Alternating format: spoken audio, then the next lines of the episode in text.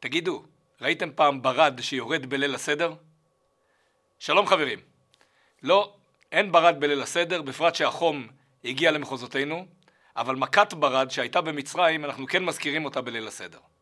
אבל בואו נתחיל מההתחלה. המצווה העיקרית בליל הסדר היא והגדת לבנך. והגדת לבנך משמעותו שכל מה שאנחנו יודעים אנחנו צריכים להעביר את זה הלאה לילדים שלנו. בפרט בליל הסדר עושים כל מיני דברים כדי שהילדים לא יישנו, לא רק שלא יישנו אלא יהיו ערניים ויקלטו את כל מה שקורה בליל הסדר. אנחנו היום נתמקד בעשר המכות שהביא הקדוש ברוך הוא למצרים במצרים ומתוך זה על מכת ברד ונראה איך לא רק אנחנו מעבירים את המסר לילדים אלא הופכים את ההגדה למשהו פעיל בחיי היומיום עכשיו, כאן ועכשיו ולא רק לפני למעלה משלושת אלפים שנה במצרים. אז בואו נתחיל בציטוט מליל הסדר. אלו עשר המכות שהביא הקדוש ברוך הוא על המצרים במצרים. והאגדה מונה דם, צפרדע, קינים, ערוב, דבר, שכין, ברד, הרבה, חושך, מכת בכורות. כשאנחנו מדברים על עונש אלוקי, עונש של הקדוש ברוך הוא, צריך להפריד בין שני סוגי עונשים. עונש של בני אדם לבין עונש של הקדוש ברוך הוא. אצל בני אדם העונש הוא לא בהכרח עונש שמתקן את העבירה. לדוגמה, כששוטר עוצר אדם שנוסע בכביש במהירות של 200 קמ"ש ונותן לו קנס, אין קשר בין הקנס לבין העבירה. שגנב גונב והמשטרה תופסת אותו, היא שמה אותו בכלא. אין קשר בין הכלא לבין מה שהוא גנב. זאת אומרת, העונש לא בהכרח מהווה חינוך על העבירה. אי אפשר ללמוד מהעונש מה אנחנו צריכים לתקן בעבירה. אבל אצל הקדוש ברוך הוא, חז"ל מגדירים את זה מידה כנגד מידה. העונש אצל הקדוש ברוך הוא נושא בתוכו מסר חינוכי שמתוך העונש האדם מבין מה הוא צריך לתקן. ומכיוון שאצל הקדוש ברוך הוא, כמו שאמרנו זה מידה כנגד מידה, אנחנו לא רק צריכים לחשוב על המכה שהמצרים קיבלו במצרים, לדוגמה מכת ברד, אלא צריכים לחשוב מה המכה הזאת מסמלת עבורנו היום.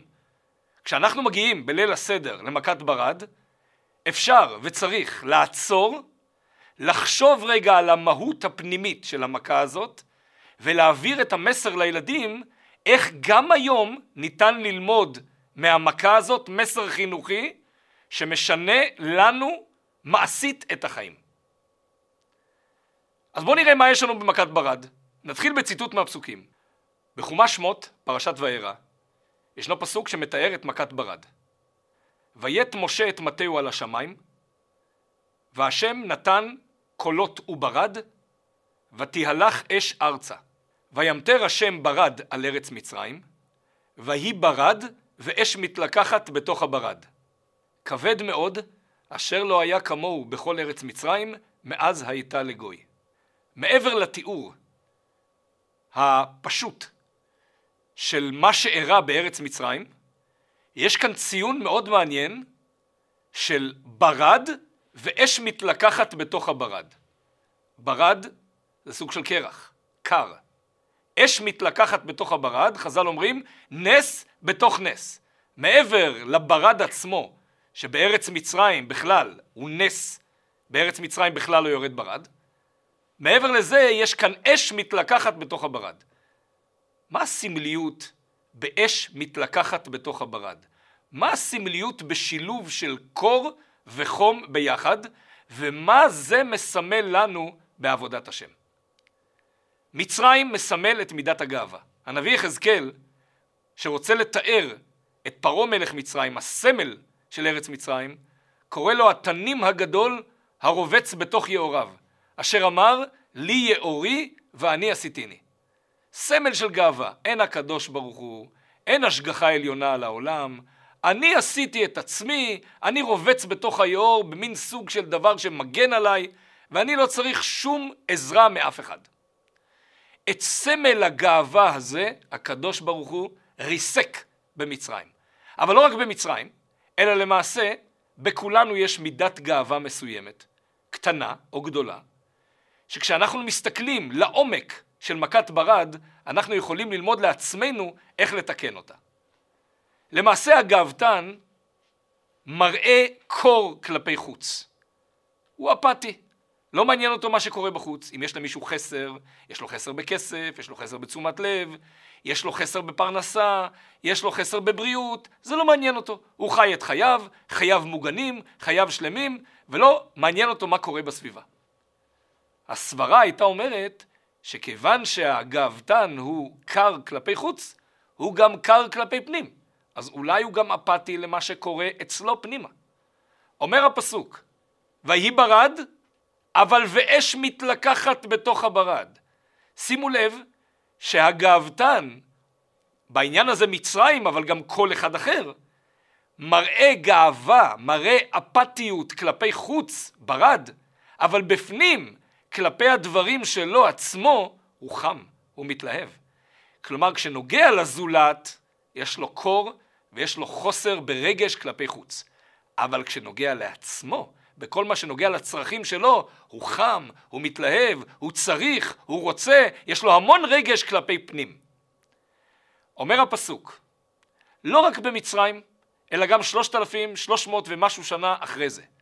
כל אדם צריך לדעת שהתופעה הזאת של קרירות כלפי חוץ וחום כלפי פנים היא בעצם תופעה שכבר התחילה במכת ברד.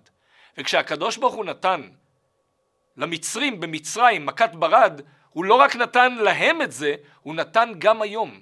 גם עכשיו, כשאנחנו מגיעים לליל הסדר, ואנחנו עוצרים את עשר המכות, ונותנים שתיים, שלוש דקות של הסבר על המהות הפנימית של מכת ברד, אנחנו בעצם מחנכים, והגדת לבנך, שמה שקורה לנו כלפי פנים, צריך להיות משודר גם כלפי חוץ. ולא יכול להיות שאת הקור ואת האפתיות אנחנו משדרים כלפי חוץ, ואת כל החום אנחנו שומרים כלפי פנים לעצמנו. מה ששנואי עליך, אל תעשה לחבריך. כל מה שאתה רוצה כלפי עצמך, קרי חום, התלהבות, רגש, שדר אותו גם כלפי חוץ. ואם באמת אתה כל כך קר, אז לא יכול להיות שבפנים, כלפי פנים, זה מופיע בצורה של חום והתלהבות. למעשה, כל ליל הסדר, אם נעצור אותו ונעשה אותו קצת יותר לאט, נוכל באמת לקיים והגעת לבנך.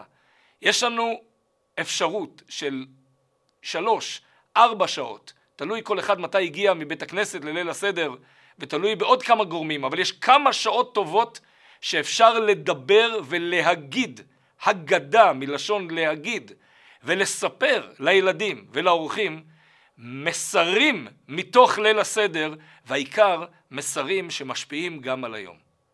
השם יזכנו, שיהיה לנו באמת פסח כשר ושמח, נצליח להנחיל את ליל הסדר הלאה, נהיה מה שנקרא יהודים מסורתיים במובן הזה שמה שמסרו לנו אנחנו גם נמסור הלאה.